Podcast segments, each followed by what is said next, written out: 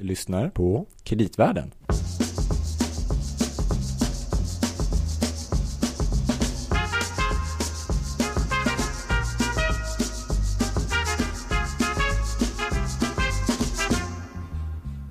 Sådär Louis. Nej, Louis. Gabriel, hallå. Ja, hej, hej, hej. Vi hör varandra. Kul Ja. att se dig, om än i digital form. Ja, och stackars alla lyssnare som direkt hör hur taffligt det är där när vi spelar in ett nytt avsnitt på Zoom. Men så är det i alla fall i dessa tider i kreditvärlden. En podcast om kreditmarknaden, eh, andra finansiella marknader och annat som, som berör det. Eller hur Louis? Landeman. och med Louis och Gabriel Bergin. Ja, Louis Landeman. Jättebra. Du, eh, eh, det här är väl årets sista avsnitt va? Ja, det känns nästan lite högtidligt. Mm. Eh, men vi hade ju ett väldigt intressant avsnitt förra gången. Ja, precis. Det var ju fantastiskt med några bra gäster. Då. Vi var ju så nöjda med det här så att vi frågade ju Helena om inte hon kunde komma tillbaka till oss och prata lite mer. För vi hann ju inte med det här kring hållbarhet, Nej, insåg, insåg vi. precis. Nästan det allra viktigaste. Så då... Nu är vi så glada. Så Helena, du finns väl med igen, är det inte så? Ja, jag fick ju nästan att komma tillbaka och jag är jätteglad för att jag fick göra det. Vi hann ju bara eh, avhandla ett av två ämnen för, förra, förra podden.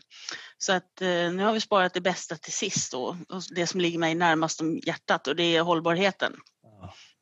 Fantastiskt. Och den som vill höra mer om dig eh, och SPP Storebrand eh, kan ju lyssna på förra avsnittet också om man inte redan har gjort det. Och vi kan även tipsa om, apropå hållbarhet, så vi kommer att prata lite grann om den här så kallade EU-taxonomin idag, bland annat. Eh, men vi har ju faktiskt ett fördjupningsavsnitt om EU-taxonomin i avsnitt 103 av Kreditvärden-podden. Kommer du ihåg den Gabriel? Det var förra året. Ja, gud. Och så Det pratar känns vi länge sedan. Ja. Men det är ju högaktuellt just nu för att eh, när den här spelas in så är det en dag kvar av eh, remissrundan från EU eh, på den här taxonomin och det är många som, som vill tycka till såklart. Ehm, och det kommer ju, säger många, påverka väldigt mycket under lång tid framöver. Det är därför det är så roligt att ha med Helena som faktiskt sitter med mandat och tar beslut om investeringar som bland annat då påverkas av taxonomin. Men vi har väl med någon mer va, Louis?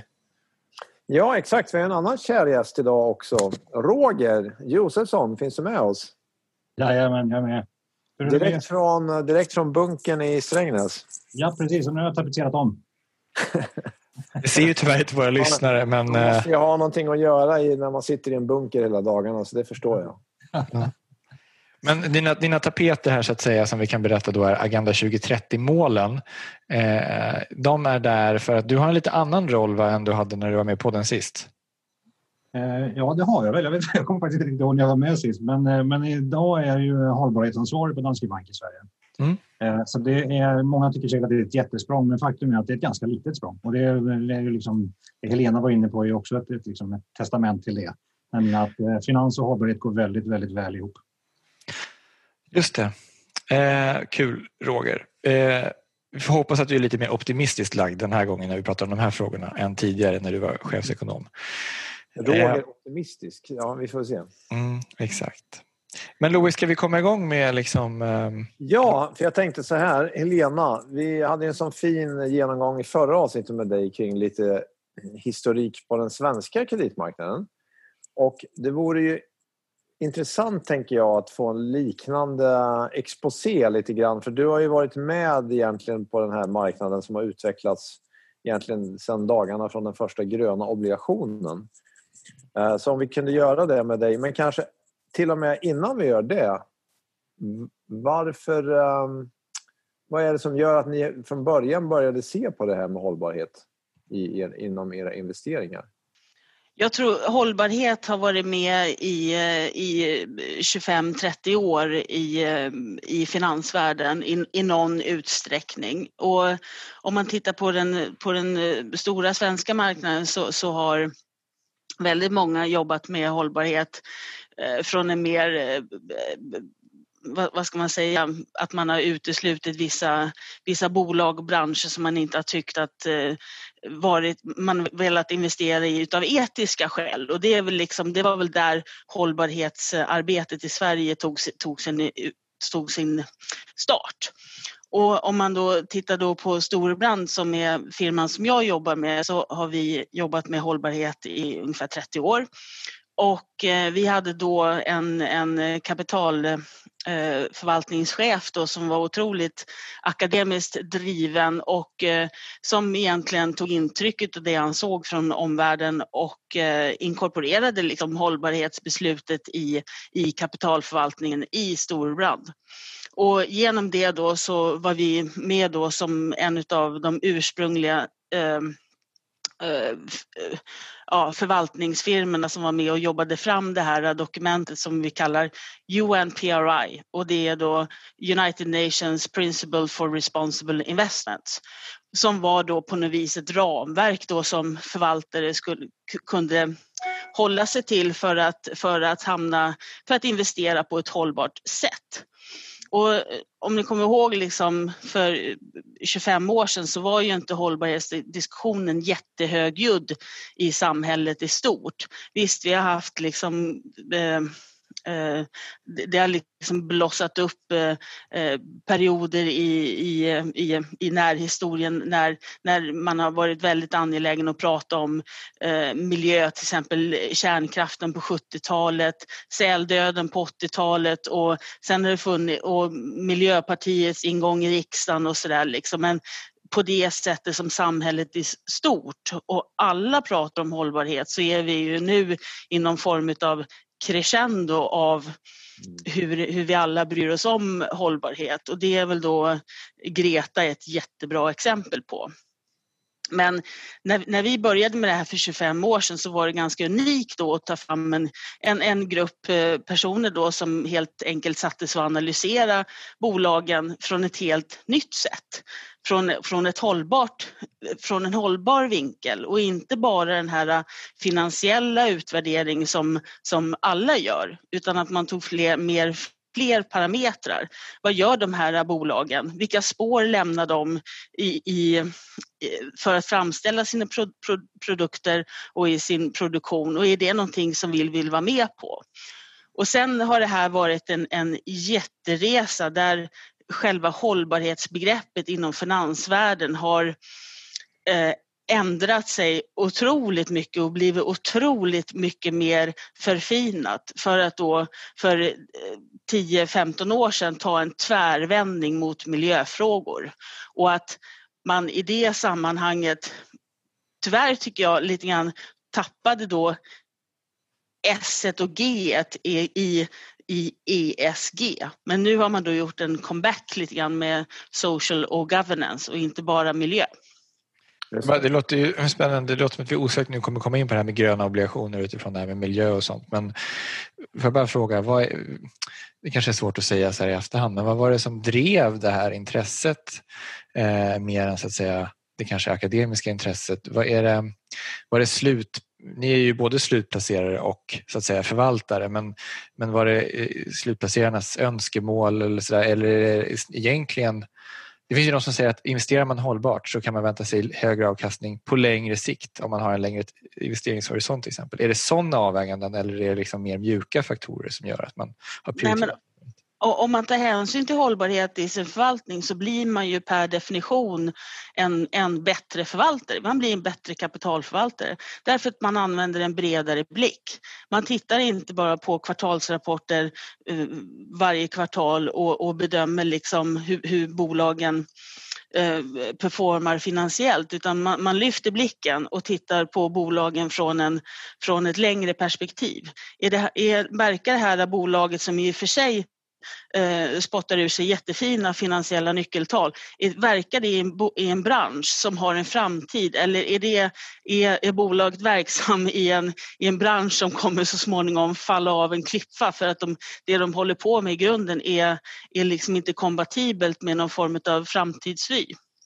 Mm. Och sen tycker jag också att det är en, eh, jag som är ränteinvesterare och som är väldigt ointresserad av att få överraskningar och så är det en otrolig trygghet att man jobbar väldigt mycket med hållbarhet därför att då kommer de här äh, frågorna upp som till exempel korruption och eh, barnarbete och, och den typen av frågor som, som kan få som kan vara liksom en black swan i ett bolags historia liksom, som helt kan ändra riktning. Och det är jag väldigt ointresserad sådana svanar är jag väldigt ointresserad av i förvaltningen så att det blir liksom en, en mer heltäckande bild på bolaget. Jag tänkte på... Får jag fråga en sak Lena? Mm. För du sa någonting att du var inte så positiv till den här, den här förfiningen som har skett men, men samtidigt så jag menar, det, det är väl en av de grejer som lockade liksom in mig i det här igen. Det är ju liksom att förfiningen har också inneburit att vi börjar få liksom väldigt mycket mer jag, data och det går att göra liksom mycket mer konkret, liksom mer, mer påtagligt och det leder väl också till att, så att säga, fler blir intresserade av det här också. Men de, de, missuppfatt, ja, då missuppfattar du mig. Jag är jättepositiv till att hållbarheten har utvecklats och att man förfinar hela tiden analysen.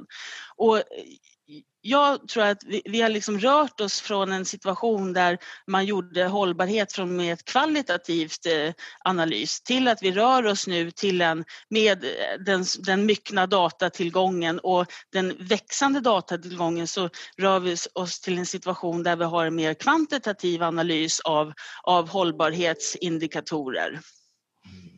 Jag tänkte våran kreditmarknaden, där förknippar man ibland det här med hållbarhet med gröna obligationer. Och där var ni väl också en av de tidigare investerarna, eller hur? Ja, alltså i, i väldigt många år så var, så var hållbarhet och ESG-analysen, det var någonting som var förbehållet Eh, aktiesidan. Det var på, på, inom tillgångslaget aktier där man kunde göra den stora skillnaden.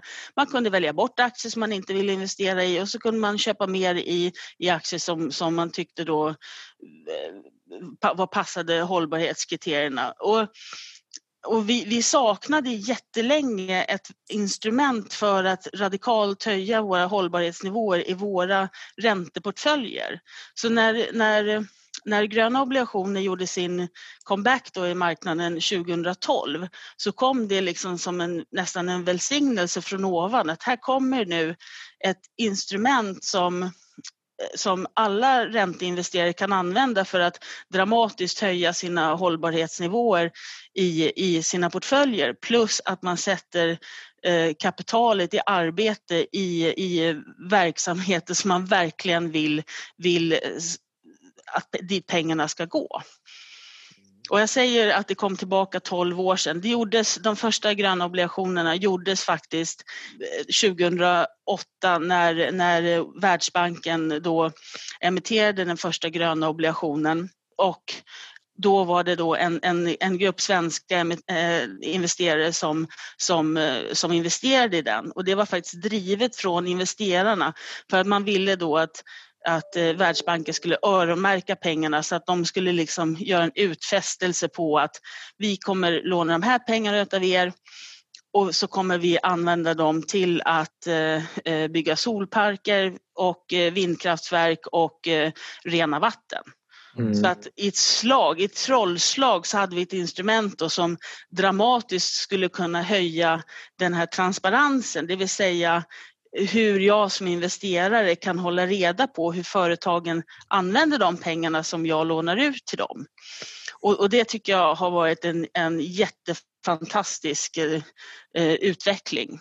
Faktiskt. Men det kanske både är så att säga, styrkan och svagheten med den här gröna obligationsmarknaden, att den är så att säga utvecklad av marknaden eh, och i den bemeningen är så att säga kanske lite självreglerat då, eller som du säger, man kanske definierar som investerare vad man vill se och så kanske bolagen anpassar sig till det och så vidare. Men att det har saknats lite grann av en, en regulatorisk standard så att säga. Och fördelen har väl varit då att det har blivit väldigt dynamiskt och den har kunnat utvecklas och växa väldigt snabbt. Men kanske att den har blivit lite spretig också, eller håller du med om det? Eller?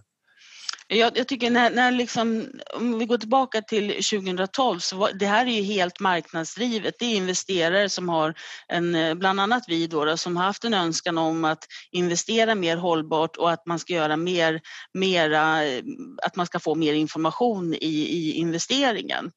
Och det här har ju liksom varit en marknad som, som, eh, som växte på under ett par, tre, fyra, fem år innan egentligen vi hade någon lagstiftare eller någon eller politiker som egentligen intressera sig för marknaden utan det kom liksom, de kom steget efter och tyckte att det här var en väldigt bra idé. Och, och samtidigt då så hade vi några parallella utvecklingar då från 2012 till 2015 och det var att vi låg i startgropen då för att signa på ett Parisavtal och det här var ju då ett par tre års arbete innan man signade av Parisavtalet. Och vad, vad FN då gjorde som var väldigt briljant och eh, som var väl egentligen förutsättningen att Parisavtalet överhuvudtaget blev undertecknat. Tecknat, det var ju då att man tog in då både näringslivet, det vill säga alla företag, men man tog också in investerarna och politikerna för att tillsammans på något vis gaffla fram en gemensam vy där alla liksom kände sig att vi är delaktiga i Parisavtalet och vi ska banne mig se till att vi styr våra skepp i rätt riktning så att vi kommer uppnå det här. Och, och gröna obligationer har ju liksom det har ju blivit som en blomma ur, som har vuxit ur en öken ur, i de här diskussionerna. Men, men i och med det kan du då också tycka att nu när den har blivit så stor den här marknaden att den behöver regleras lite mer eller? Vi har ju då länge, jag tror alla marknadsaktörer, liksom man har efterlyst någon form av att, att, mm, att eh, själva obligationerna, det vill säga sättet man framställer en, obliga, en grön obligation på med de här ramverken och hur den här Eh, hur, hur, ramverken ser ut, det vill säga där i dokumentet man beskriver då vad pengarna ska gå till. Och att de standardiseras så att alla låntagare använder samma typ av ramverk. Och också det att man standardiserar, eh, standardiserar eh, de, de, vad man kallar grönt i en grön obligation. Att man på något vis får en, en samtycke till det. Så det har vi efterlyst länge och sen så tror jag liksom att vi, på, vi har kommit en jättelång bit på standardiseringen och, så att man liksom kan skala upp det här och göra den här marknaden ännu mycket mer större än vad den är idag. Därför pengarna behövs. Ja, nej, precis. Och det för oss egentligen över till dig då Roger och um, det här med vad som händer egentligen nu kring, ja, både kring standardiseringen och gröna obligationer men jag tänker det känns som att i alla fall delvis att det drivs... Nu pratar vi om FN förut och det är väl, där har det kommit vissa initiativ men vi har ju på EU-nivå det här som händer där taxonomin är en del men kanske större, en del av något större. Eller vad, vad säger du? Um, ja, jag, jag, jag, jag tänker säga rätt mycket Louis i vanlig ordning. Men jag tänkte bara koppla an till en sak som både du och Helena var inne på lite grann. Och framförallt nu som, som ni inledde med att säga eftersom vi är lite grann i några sista skälvande minuter och lämna in synpunkter på det som kallas för delegated acts när det gäller en del av eh, de här planerna. Eh, så, så tänkte jag bara fråga Lena lite grann också. Att, se, ser du någon liksom nackdel nu med att vi var så, eller ni var så himla tidiga med de här ramverken och funderingar kring det nu när, när standardiseringen då kommer, har kommit så långt? För eh, apropå, det leder väldigt fint nämligen in till just diskussionen om taxonomin. Har, liksom, ser, det, ser det annorlunda ut i jämförelse med det som EU tar fram på ett sätt som gör att det blir svårt att driva det här vidare, tycker du? Absolut inte. Anledningen till att vi hoppar på det vid, vid första första start, det var ju liksom att vi kände att antingen, vi, vi har två val här, antingen så, så, är vi, så sätter vi oss i baksätet och väntar på en standardisering och lämnar, lämnar ratten till någon annan.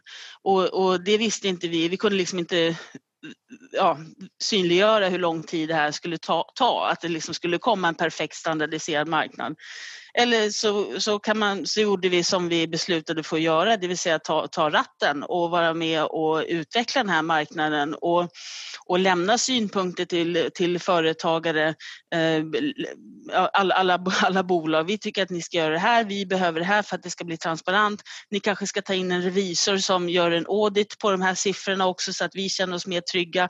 Vi, vi var med och tittade och liksom gav förslag på, på hur, hur second opinion skulle kunna, skulle kunna förbättras och förenklas. Eh, att man inte bara döna på med en massa information som kanske inte marknaden behöver. Och framförallt då hur den här eh, impact report obligationer har som inte vanliga obligationer har och det är då ett dokument som, som vi får som produceras en gång om året där där vi som investerare då kan läsa vad faktiskt företaget har åstadkommit med sina, sina, sina eh, investeringar som vi har lånat ut pengar till. Så att, eh, och det har ju varit en jättediskussion och, och jag tycker att vi har kommit bra långt fram och framförallt då genom att marknaden, det vill säga banker, företagare och investerare har mötts i den här eh, klubben då som vi kallar Green Bond Principles, vilket är en marknads, marknadssammanslutning där, där man liksom på, på en högre nivå än på transaktionsnivå förhandla fram liksom hur, hur, ska, hur kan vi standardisera den här produkten allra bäst så att det passar alla. Ja, intressant. Jag tänkte vi kan väl ta ett steg tillbaka som sagt. Jag tycker ändå att det är rätt bra att ta utgångspunkt i, i FNs eh, agenda 2030. För någonstans, för mig i alla fall, så var det där som egentligen allt sånt här liksom reglerings och standardiseringsarbete tog fart, i alla fall liksom på någon politisk nivå. Ehm, och det har ju påverkat på väldigt många sätt. Nu är det flera saker, och du har varit inne på det också, Lena, att det täcker ju liksom mer än klimat. Och, och, så här långt får man säga så finns det väldigt lite på, på S och, G. Utan det är ju väldigt stort och högt fokus på E i det här. Då. Det är ju en del av det här ska alltså EUs Action Plan of Sustainable Finance. Den handlar ju än så länge väldigt mycket om det gröna helt enkelt, om klimatet. Men, men, men, men, utgångspunkten är alltså att hela EUs Action Plan on Sustainable Finance den tar utgångspunkt i den här Agenda 2030. Det tror jag är liksom en viktig utgångspunkt när man diskuterar eh, vad, vad som skiljer sig åt eller hur de hänger ihop. Eh, den andra delen av det är att det finns ju en massa mål då, förutom att uppnå då Parisavtalets tvågradersmål och så vidare, så finns det också ett mål med den här eh, och det första och viktigaste målet förstås, det är att vi börjar allokera om pengar helt enkelt från smutsigt, brunt, icke hållbart till grönt och, och skönt och, och, långsiktigt hållbara investeringar och aktiviteter. Det är en av de främsta målen. Den andra är också att vi ska få någon form av, få in hållbar helt enkelt och, och göra den mer förståelig eller mer transparent även i någon form av riskhanteringsperspektiv och också få in någon form av mer långsiktigt perspektiv när det gäller just investeringar. För det är väl en sak som jag tror att många, i alla fall de som inte är i finansmarknaden, ofta känner att det finns en brist på inom den finansiella världen. Det finns ingen långsiktighet. Så det, de tre delarna är också tror jag, väldigt viktiga att liksom förstå. Då. Sen finns det då som sagt en massa olika saker som nu kommer att då inom ram, det här ramverket EU Action Plan och Sustainable Finance eh, kommer att sätta, iscensättas. Och, och den kanske från mitt perspektiv främsta av dem det är ju taxonomin helt enkelt. Och taxonomin är just någonting som ska skapas för att öka transparensen, öka liksom definitionerna av vad som faktiskt är grönt. Och det gör den då på, egentligen på eh, sektornivå, eller industrisektornivå. Det kan vi, kommer vi säkert diskutera alldeles strax. Men det är då så den ser ut och det är ganska, liksom, ganska precisa ändå krav för respektive sektor vad som gäller. Och som sagt här har det då skett en utveckling och det har varit olika expertgrupper som varit inblandade och nu kommer väl egentligen det första, vad ska vi kalla det, för, för skarpa förslaget helt enkelt. Och det tänkte jag vi kunde höra lite mer om. Jag vet inte, har ni någon sån här, Helena, vi kan börja med dig, det är ju jättespännande att höra. Vad är ditt första intryck av, av eh, de här Delegated Acts som det heter, eller det första lagförslaget? För, för fyra år sedan så visste jag inte ens vad taxonomy betydde utan jag slog faktiskt upp det då när jag först, inte förstod det engelska ordet och det betyder alltså klassificering. Mm. Och det tycker jag är ett jättebra ord att använda för vad man har gjort i den här taxonomin då som vi har försvenskat till, det blir svengelska. Att man försöker klassificera vad, vad som är gröna tillgångar, vad som är grönt och vad som inte är grönt. Och huvudsyftet är ju liksom att det ska bli tydligare för slutkonsumenten att kunna avgöra om, om en investerare säger att de är, om alla investerare säger att de är gröna så kan man då, så är tanken då att man genom den här eh, taxonomin ska kunna avgöra hur gröna man är. Och jag, jag, tycker att det här är ett otroligt bra initiativ och det, jag, jag välkomnade det när, när det liksom blev offentligt för vad är det, två, två och ett halvt år sedan att man skulle ha den här typen av klassificering. Men li, lite grann är det så att man har försökt att samla en massa flugor i en och samma, på en och samma fläck och sen så har man tänkt att drämma till med flugsmällan en gång och det tycker inte jag man riktigt, det är några flugor som har flugit iväg under tiden liksom. Så att jag, jag, tycker att vi ska se det här då som ett första förslag och att det är någonting som vi måste jobba med härifrån. Men, men oavsett om det som vi vet idag, Helena, om det som blir, liksom, blir införlivat i någon form av lag eller reglering, så är det mm. också så att vi ska komma ihåg att det här kommer ju utvecklas. Det är inte så att det är de definitionerna på vad som är grönt som står nu kommer ju liksom inte, inte skrivna i sten helt enkelt. Vi kommer inte ha dem för alltid med oss utan de kommer ju utvecklas. Nej, det, är det, det är det jag menar, att det här är liksom 1.0 och sen kommer det här uppdateras och utvecklas också vartefter tiden går. Och, och, om man tittar på det, och kanske lite framför allt från ett, ett svenskt perspektiv, som sagt, vi har ju levt med liksom diskussionen om taxonomin, även om den började som sagt, för drygt två år sedan, så tror jag att det är, det är väl det senaste året egentligen som det har liksom, man har fått någon form av hum om liksom på vilken nivå det ska landa och hur det ska se ut och så där. Och definitionerna, de första liksom förslagen kom väl i, i maj tror jag som vi liksom fick de första skarpa mer skarpa förslag i alla fall. Och där kan man ju konstatera att i de här, det här första förslaget, som, eh, och det ska man ju understryka, det kanske blir svårt att få in några tydliga förändringar i, så finns det ändå ganska stora skillnader för några branscher eh, jämfört med hur det såg ut i det förslag eller eh, det förarbetet som då kom i, i maj. Och det gäller eh, bland annat gäller det fastighetssektorn eh, där det är ganska tydligt att man liksom skärper kraven för vad som ska räknas som grönt. Och den andra delen av det som jag, jag, jag tycker är intressant är också att, att svenskt skogsbruk till exempel eh, kommer antagligen inte räknas som grönt med de definitioner som finns idag. Utan där pratar man mer om liksom, vad ska vi kalla inkrementella förändringar, förbättringar av skogsbruket. Och så finns det väl en tredje som också är lite sådär som man börjar fundera över och det är ju att Eh, eh, vattenkraft till exempel, så som vi har det som den ser ut idag, räknas för det mesta inte heller då som grön. Så det är, det är väldigt liksom stora och viktiga delar av taxonomin som liksom rycker undan, tycker jag, den gröna mattan under fötterna på, på finansmarknaden. Egentligen skulle det vara kul att Men är det, är det det här som är jag menar, också nackdelen med... För det, det säger sig nästan självt om man säger att vi ska definiera vad som är hållbart eller grönt, att det kan man ha olika uppfattning om.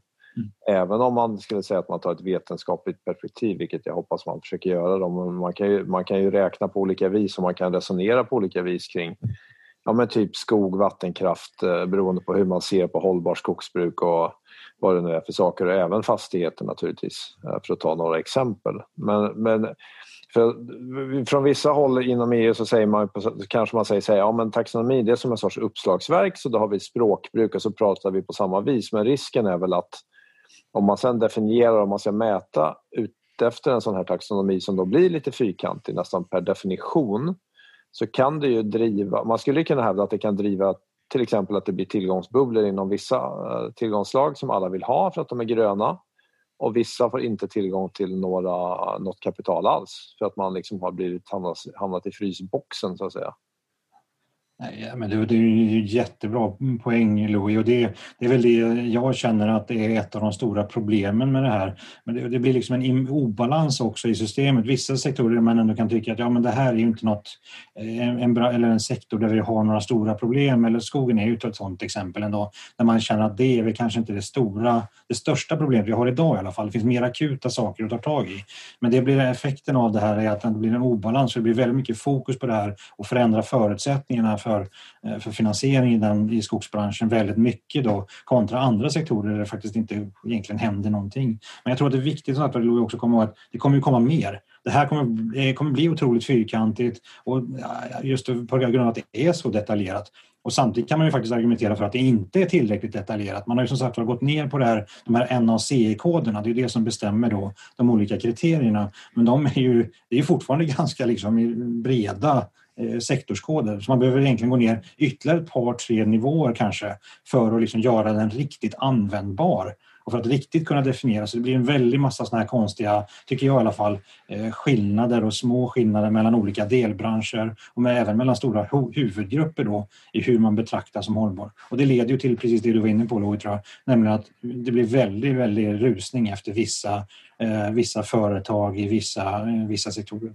Eh, nu, jag, nu, svarade du kanske på den frågan Roger, men en dum, får man ställa en dum fråga så liksom att det blir så här och utan att exakt vad men eh, är det för att det här är resultatet av en förhandling också inom EU där allting är resultat av olika förhandlingar eller är det för att det helt enkelt är väldigt svårt att definiera vad som är hållbart?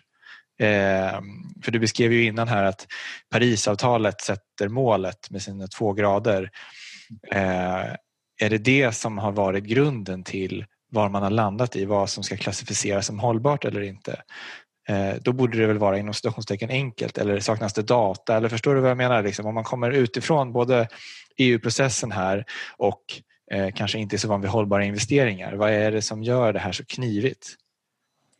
Eh, ja, datatillgången är och kommer vara ett jätte jätteproblem. Alltså, vem ska samla in, vem ska bekosta det, hur ska det redovisas? Det är ju fortfarande liksom lite grann höljt i dunkel. Men det, men det är klart att många av de problemen som man ändå kan se... Alltså, jag, jag, tycker, viktigt att, jag, tycker, jag tycker att det är viktigt att hålla en positiv liksom, vad ska jag kalla det, grundton runt den här EU's action plan. Men, men det finns rätt många problem som vi ändå går igenom och ett av problemen är som sagt de här skillnaderna. Och de har väl uppstått av flera skäl tror jag dels data, liksom, liksom tillgång på data och dels liksom förhandlingar och relativ förhandlingsstyrka och sådär. Och, och, det är väl liksom, ja, men, ni, ni känner ju mig liksom. Jag, jag tycker ju om liksom såna här Alexanderhugg och det är klart att jag kan nog tycka att många av de här problemen hade kunnat lösa genom att man skärper EUs utsläppshandelssystem väldigt mycket hårdare istället och låter marknaden själva liksom fortsätta det här defini, defini, definitionsresan liksom, och ramverksresan. Men det, men det, återigen, det finns... Men eh, som Gabriel är inne på, stämmer inte det också att det här med förhandlingar och, lobbying och sådär, för jag menar, är, inte en sak att till exempel naturgas har man sagt att det kan man tillåta en övergångsperiod och det går ju naturligtvis att diskutera. Det är också fossilt men släpper ut mindre än kol. Och då kan man ju hävda att ja, det, det är ett steg på vägen men det andra sättet att se det är att det finns en stor gasbransch i Europa som är, vill liksom att naturgas inte ska klassas som ohållbart vilket skulle varit alternativet. Så Ja, men, ja, men det är ju det är självklart en poäng och det, det låter väl inte helt otroligt att det skulle ha någonting att göra med att eh, kanske Polen framför allt eh, har haft vissa synpunkter på att inte då kunna räkna till exempel naturgasen. Men, men Helena, får jag fråga, för er, er, som investerare eller förvaltare så att säga, som styr ert kapital någonstans, eh, liksom, ger taxonomin er möjligheter eller kringskär det möjligheterna eller, liksom, eller någonstans däremellan för att just styra kapitalet där mest utväxling i eh, eh, hållbarifiering av samhället sker. Förstår du vad jag menar? Alltså, nu pratar vi om att man exkluderar vissa branscher till exempel och att det kan vara problematiskt men när vi pratar om hållbara investeringar så finns det ju många och jag tror att eh, som jobbar med att hitta just kanske eh, företag inom sektorer som egentligen är traditionellt sett är väldigt dåliga på hållbarhet eller till sin natur eh, Eh, inte klarar av hållbarhetsmålen för att det till exempel är inom kol eller någon annan sån här smutsig bransch. Men att man hittar de som är på väg åt rätt håll och minskar utsläppen mest per investerad krona. Förstår du vad jag menar? Vad, hur ser man, ska man se taxonomin i det arbetet? Jag, jag, jag, tror att det viktigaste i, i det här arbetet är att eh, nu, nu har vi kommit till en situation där, eller liksom en, en, en, en, tid i det här arbetet när det har blivit väldigt mycket detaljer. Men jag tycker fortfarande att det viktigaste är det att man håller blicken högt här. Va? Och vad är vi på väg någonstans? Så att man liksom fortfarande ser skogen för alla träden och att man eh, har en ordentlig klimatstrategi hur, hur, hur, som omgärdar våra investeringar. Hur vill vi att våra investeringar ska, ska, ska lira med, med Parisavtalet och, och då måste man ha en strategi för det. Och, och, vissa branscher är inte ens kompatibla med, med, med Paris, eh, om, om vi ska uppnå Parisavtalets mål och mening så är inte vissa branscher ens kompatibla med det målet. Och sen då att vi har då fått en, en, en EU och ett EU och en lagstiftare då som, som, som vill, vill snabba på påskynda den här förflyttningen av kapitalet och gjort det genom att man har tagit fram då eh, ja, lagstiftning och, och, den här klassificeringen av gröna tillgångar. Det, det, är liksom, det är någonting som jag bara måste förhålla mig till och, och använda för att jag, den stora riktningsvisan måste vara liksom högre upp så att säga, på en, på en högre skala och sen får vi förhålla oss till den här klassificeringen. Jag hoppar in med en, en följdfråga där. Jag tycker det var en jättebra fråga, eh, eh, herr Gabriel. För en sak som jag upptäckt under de här senaste veckorna nu när vi har diskuterat de här, de nya förslagen det är att man ser att många branschorganisationer och företag, liksom enskilda företag och så vidare går ut och är väldigt, väldigt oroliga. Och då, det de framförallt är oroliga för då, det är ju det är just att hela liksom investeringsindustrisidan har liksom sprungit så långt in i det här gröna, liksom, in i det gröna så att man är rädd för att det, det som händer nu till exempel det är att ja, men vi trodde ju att det var fler fastigheter till exempel som skulle kunna räknas som gröna. Och nu helt plötsligt så har vi en, en, en liksom investerare som alla vill vara gröna, mörkgröna allra helst. Så då kommer de inte ta i det här oavsett liksom vad de själva skulle göra för bedömningar av svenska fastigheter. Så då får vi ingen finansiering. Eh, och I vissa branscher är ju liksom finansieringskostnaden ganska väsentlig som till exempel just i, i fastighetssektorn. Hur, hur, ser, hur ser du på det? Liksom? Eh, känner du att hela investeringssidan är på väg så långt in i det gröna så att man kommer, liksom, man kommer helt enkelt helt och hållet följa de här, de här regleringarna och däremot inte finansiera viktiga sektorer för Sverige? Ja, alltså jag tror att det är lite för tidigt att, att dra sådana slutsatser nu. Jag tror att alla, eller de allra, allra flesta investerare tittar på de här frågorna väldigt, väldigt noggrant. Men sen måste man då inse att taxonomin då har misslyckats i det faktum att man, att man har, som till exempel då, vad är problemet med det här, de svenska fastigheterna i taxonomin? Jo, det är att man ska ha energiklassificering A för att kunna räknas som grön. Och det kan man tycka, och då måste ju alla tänka så här, åh, i Sverige är, har vi de, de eh, Europas bästa fastighetsbolag på hållbarhet. Vi får, vi, de får medaljer och utmärkelser var och varannan vecka. Och, och det finns en, en, en, handfull bolag som är i världstopp på att kunna liksom både, både gjort sina energieffektiviseringar men också börja göra liksom Eh, klimatkalkyler och en, en, en, liksom en ett, ett, större liksom klimatavtryck hänsyn i sina fastigheter. Så de är skitduktiga helt enkelt.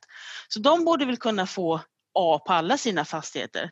Nej, men då är det inte riktigt så enkelt för att det här A, bokstaven A ser exakt likadan ut i hela Europa. Men i alla länder så betyder energiklassificering A, helt olika saker. Så att typ i Holland, där är det 16 procent som, som fastigheterna som får betyget A. Och i Sverige så är det inte ens 1 procent. Därför att vi har dragit själva då i vår egen nationella reglering så har vi dragit allting till sin spets. Att det ska vara så svårt att vara, få, få, den bästa, få det bästa betyget. Och nu får, vi på, nu får vi tillbaka det. Att vi helt plötsligt då så sitter vi här med våra i, i Europa mått mätt och alla mått mätt väldigt hållbar, en hållbar fastighetsindustri.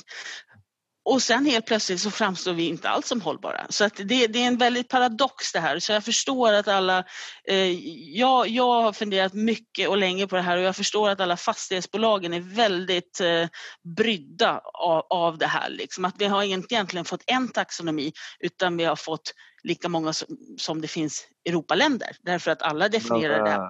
Eh, men Helena, jag håller ju med delvis om det du säger men om man ska modifiera det lite så skulle man ju kunna säga att det kanske fram till nu har varit lite för lätt att göra en grön obligation i fastighetssektorn för att man har kunnat stoppa in en ganska bred palett av fastigheter i det man kallar grönt och inte tittat egentligen på hela livscykeln. Och nu går vi då kanske från den situationen till att man gör det till ett nålsöga istället som är nästan omöjligt att ta sig igenom. Så det är klart det går på sätt och vis från en ytterlighet till en annan. Men eh, om man tänker vidare så kan man ju tänka sig att det här problemet Eh, skulle kunna lösas genom att man harmoniserar klassificeringen då, av vad man menar med energiklass A. Men jag håller med dig om att någonstans blir det ju, du lanserar någonting innan du jobbat igenom alla steg och då kan det ju få väldigt det kan ju bli en del olyckliga konsekvenser av det så att säga. Men, men jag tror att eftersom alla vet att taxonomin är liksom inte fullständig på något sätt och EU har ännu inte gjort någon form av eh, lagstiftning om hur, hur, liksom, hur många att allt, allt som jag säger är grönt måste vara compliant med taxonomin. Därför att företagen de producerar inte ens de här siffrorna som, som kommer berätta för oss hur gröna de är. Så att det är liksom en liten, det, det, är lite, det går lite grann i otakt här. Så jag tror att, eh, att eh, tills liksom taxonomin blir he, mer heltäckande och att vi får ett bättre dataunderlag från företagen och att de rapporterar i en högre utsträckning så, så kommer liksom så kommer det fortsatt vara så att, att eh, de gröna obligationerna de kommer for, fortsatt att emitteras och fortsatt vara med och finansiera den allra bästa delen av, av, eh, av fastighetsvärden och inte, inte så som kanske taxonomin definierar utan det kanske kommer hända någon gång långt i framtiden men antill den så kommer gröna obligationer existera precis som de har gjort nu. Det leder ju oss... Ja, förlåt. Nej, jag bara tänkte, men med kanske tillägget då eventuellt att, att man blir lite mer skärskådad som bolag och behöver redovisa lite mer hur man återrapporterar och sådana saker. Och det behöver ju inte vara av, av ondo om det går åt det hållet. Ja, men det är ju mitt jobb. Ja, precis. Det är ju mitt jobb som investerare att, att göra det jobbet och ju noggrannare jag gör det så, så desto bättre investerare blir jag. Mm. Men, men, men det låter ju, det låter ju, jag blir, jag blir ändå lite glad liksom, för jag tycker också att det, det som krävs ändå lite grann är en flexibilitet. Men, men du är inte rädd alltså för att placeringsramverken liksom, som, som du som investerare blir så strikta? För menar, här, du kommer inte kunna, i princip kunna kalla det grönt eller hållbart om det liksom inte uppfyller de här kriterierna. Och då, det, det är mer det jag är ute efter. Är man ja. inte lite rädd för att ja, men då, då kommer den här stora kostymen. Du ska, vi ska kalla här den gröna obligationsfonden eller vad det är för någonting. Ja, men, men då kommer en annan sak till. Då. Vi säger att de, då, att de taxonomin då kommer definiera det som är ultragrönt. Det mm. som är ultrahållbart. Mm. Det är en sak och det, det är jättebra. Sen har vi då en stor mängd företag och en stor mängd eh, liksom kapital som behöver flytta sig från det bruna hörnet i marknaden till att bli ljusgröna. Så att det är liksom den förflyttningen som vi måste åt. Liksom, och kanske, vi, vi, kanske inte behöver bli bättre på att utvärdera och hitta det ultragröna utan vi kanske måste bli lite bättre på att ändra färg på mycket av de investeringar som görs i det som är brunt till att göra det grönt. Men, och inte men, ultragrönt utan ljusgrönt och halvgrönt. Liksom. Just det, men om det, är, om det är mycket av marknaden som exkluderas från att kallas grönt, är inte risken då att ehm, eh, jag menar, för min, vi kommer lite in här på en fråga som jag hade, vilken, vilken effekt det här får i praktiken. Eh, om man tänker på eh, för det är ju från vissa branscher som några vi var inne på så är det ju ramaskri eh, på vad det här får för effekter för den långsiktiga investeringar i ny teknik och så vidare. Men som du är inne på Roger, det handlar mer om om man vill kalla sina investeringar för gröna, då måste man följa taxonomin. Eh, hur stor effekt har egentligen det på företagens så att säga, finansieringskostnader? Kommer det här omöjliggöra investeringar eller är det egentligen mer i periferin så att säga? Hur stort är det här egentligen? Jag vet inte, titta på Roger först kanske. Ja, men jag var, var snällt, jag, jag hade faktiskt ett inspel. Jag, jag, alltså det är ju det här som, om vi nu ska måla upp, liksom, jag gillar ju risk eh, på det sättet att jag tycker det är underbart att liksom utforska det. Den stora risken här tycker jag från mitt perspektiv det är ju liksom att ja, det blir så otroligt liksom digitalt där. Vi alla vill bli gröna, alla vill kalla sig gröna. Vi får väldigt många stora, viktigaste för, för Sveriges sektorer som inte kan söka liksom, i princip finansiering till vettiga villkor på, på obligationsmarknaden till exempel. Det de kommer göra då det är liksom att ja, då får de söka med ljus och lykta, och fortfarande ett högt pris, men kanske hos banker till exempel, som i sin tur då kommer bli sittande med sånt som inte kommer ses som grönt. Vilket, och bankerna kommer i sin tur också då drabbas av någon liknande typer av regleringar vad det lider. Och då sitter liksom en hel sektor med lite grann med Svarte Petter. Så det finns otroligt mycket dynamik i det här och det här är det någonting jag tycker jag har lärt mig med, med, inom alla, efter alla år liksom, hållit på med makroekonomi så är det liksom att sekventiering av olika eh, ramverk och, och, lagstiftning måste vara helt genomtänkt. det här är en sak som jag faktiskt är rätt orolig för. Men du Roger, vad ligger eh, det här med taxonomin och det, vad ligger bankerna till i den processen då? Eh, nej men alltså det är viktigt att förstå att här och nu så är det ju egentligen bara på, liksom på investeringssidan som det här är av intresse. Eh, och, och taxonomin får inte ses heller för sig själv. Taxonomin är ju som sagt en del av det, men om du tittar på det som vi håller på med mycket nu är det, så är det hur, hur det här ska rapporteras och kommuniceras och så vidare. Och då finns det en massa tilläggsdirektiv, eller vad man ska kalla det. Det finns något som heter NFRD där alla bolag över 500 anställda även ska, hur de ska rapportera in då, eh, data. Det ska ses över och komma nya besked så att det är kompatibelt med eh, taxonomin och också med en annan alltså direktiv som heter eh, Sustainable Finance eh, Disclosure Requirements som också då, som ska iscensättas eh, efter första kvartalet nästa år. Och det är ju ganska intressant för där står det också mycket om det som inte bara är E, det som inte bara är grönt, utan där finns det också just S och G-faktorer med också.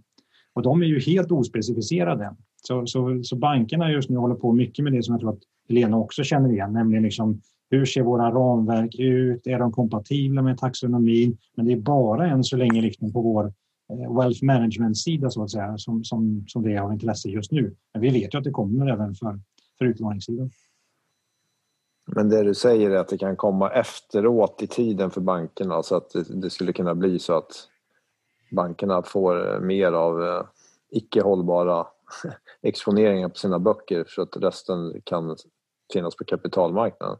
Precis. Ja, det, alltså, återigen, nu drog jag det väldigt till sin spets, men menar, det, är det, det är den förflyttningen man är rädd för. Det mm. finns ju förstås relativgrader här, det kanske bara blir lite dyrare och sådär, men, men det är bara så att man förstår liksom vilka processer mm. som kan... Och det kanske då också förklarar att det är ingen slump att Riksbanken och Finansinspektionen pratar allt mer om såna här hållbarhetsrisker i sina rapporter. Nej, det, det tror jag inte. Det, det handlar om stabiliteten i banksektorn kan man säga. Precis. Ja. Mm. Wow. Ja du Gabriel, det var något att sätta tänderna i det sista avsnittet för året. Det är som vanligt Louis, man öppnar den, man skrapar lite på ytan någonstans och så hittar man Roger. Hittar man Roger? Ja, Roger. Nej, men det, det, det, tycker jag är en sak man kan säga här. Alltså att, att det, när man läser om hållbarhet i tidningarna så framstår det som väldigt lätt att, att vara hållbar. Att man, att man bara kan göra att det inte krävs så mycket arbete men det är, det är ett otroligt jobb att vara och, och, och göra håll, hållbar förvaltning riktigt bra. Och man måste vara otroligt konsekvent och ha en otroligt genomtänkt strategi. Och, och för att kunna göra det. Och, och om, man titt, om man tittar då också på hållbarhetsarbete ute i företag, alltså det, alltså det har varit ett, en hård press på alla att sätta sig in i de här äh, luntorna. Alltså det här, vi, vi snackar alltså meter, metertjocka materialstackar som folk ska sätta sig in och försöka förstå hur de hänger ihop. Va? Så att det, det är inte lätt, så att om någonting, och det, men det är väldigt spännande så att det finns ju att göra. Det saknas inte... Det är eh, svårt men som du säger det är komplext och man måste ofta ner på en ganska hög detaljnivå för att liksom få, få rätt på det. Det visar ju Roger med all önskvärd tydlighet här tycker jag. Men det finns, ju, det finns faktiskt en aspekt till. Men, men ni, ni umgås ju bara med de här high flyers, liksom. storföretag och sådär. men, men, jag skojar bara, jag vill bara provocera lite grann. Men det som jag tycker också är viktigt att komma ihåg är att det finns ju rätt många företag liksom, som inte liksom, kan överhuvudtaget ha ens övervägt att finansiera sig på obligationsmarknaden, som inte har en hållbarhetschef som kostar en massa pengar och som inte liksom har resurser. Alltså, ni förstår vilken, eh, vilken omställning och vilken utmaning det kommer bli för många av de här. Eh, så det, finns, det finns väldigt många delar i det här som kommer bli otroligt intressant att följa. Och då är frågan, vem ska ta de här kostnaderna? Eh, nu, nu kommer jag ju prata i, lite i, i egen sak, eller, på sig, eller i banksektorns sak, men det är klart att jag skulle ju hemskt gärna se att att, att staten eller staterna tar över ansvaret för att samla in det här datat så att det liksom blir att det just blir samma överallt över, liksom, över hela Europa åtminstone. Eh, och, och liksom av en viss kvalitet så att, så att vi inte hamnar i något sånt här läge där, där det faktiskt ändå blir vissa definitionsskillnader liksom, etc, etc. Mm. Så, så, det är återigen jättemycket frågor och så att vi har inte ens börjat prata om de här mindre företagen som ändå är viktiga för, för sysselsättning etc. i, i och jag tänker också om eh, från mindre, eh, liksom från mikro mikro till liksom makro makro i det här att taxonomin och det här som vi pratar om nu är bara ett sätt att, för liksom, om det vill säga att det är politiken som ligger bakom det här, för politiken att styra mot mer hållbara, eh, hållbart näringsliv och investeringar. Det finns ju massa andra aspekter med vad EU själv eh, lägger pengar på och investerar och andra delar av regleringar som också skapar incitament eller inte för att göra rätt hållbarhetsbeslut. Liksom. Och det är som en helt annan... Du menar att EU ska analysera sitt, sin egen hållbarhetspåverkan i sina jordbrukssubventioner och andra? Till exempel, eller som Roger var inne på med utsläppshandeln, hur det kanske är ett annat verktyg man kanske borde titta mer på än just detaljstyra investeringar. Nu var det nästan en åsikt som kom ut från mig där, så jag tänker att det kanske börjar bli dags att avrunda. Vad säger du? Nu måste vi nog runda av här Gabriel, det här går inte. ja, men eh, hörni, vad spännande. Det känns ju som att vi får återkomma till det här under 2021. Eh, och på temat faktiskt fastigheter och hållbarhet så tror jag Gabriel att vi kanske skulle ta upp det temat redan i början på nästa år igen. Det låter bra. Eventuellt. Tillsammans med en del andra saker. Mm. Som vanligt kan vi säga om det är något särskilt som ni tycker att vi har missat ja. så kan man höra av sig. Man kan skriva ja. ett mejl till Louis, eh, mig, eller eh, brev kreditvärden.se eller på Twitter så alla får se. Det är också roligt. Eh, mm. Vi tar gärna kritik i offentlighetens ljus. Vi tar hellre ros än ris, men det är okej okay med negativ kritik. Precis. Men tack för i år, Louis. Det var speciellt. Själv, Gabriel. Ja, med Zoom-poddar, men tycker att det gått ganska bra. Vi har tagit oss igenom även detta år. Tack också till Helena och Roger så mycket för idag. Tack själva. Mycket. Stort tack. Och på återhörande nästa år. Sannerligen. Hej då. Hej, hej.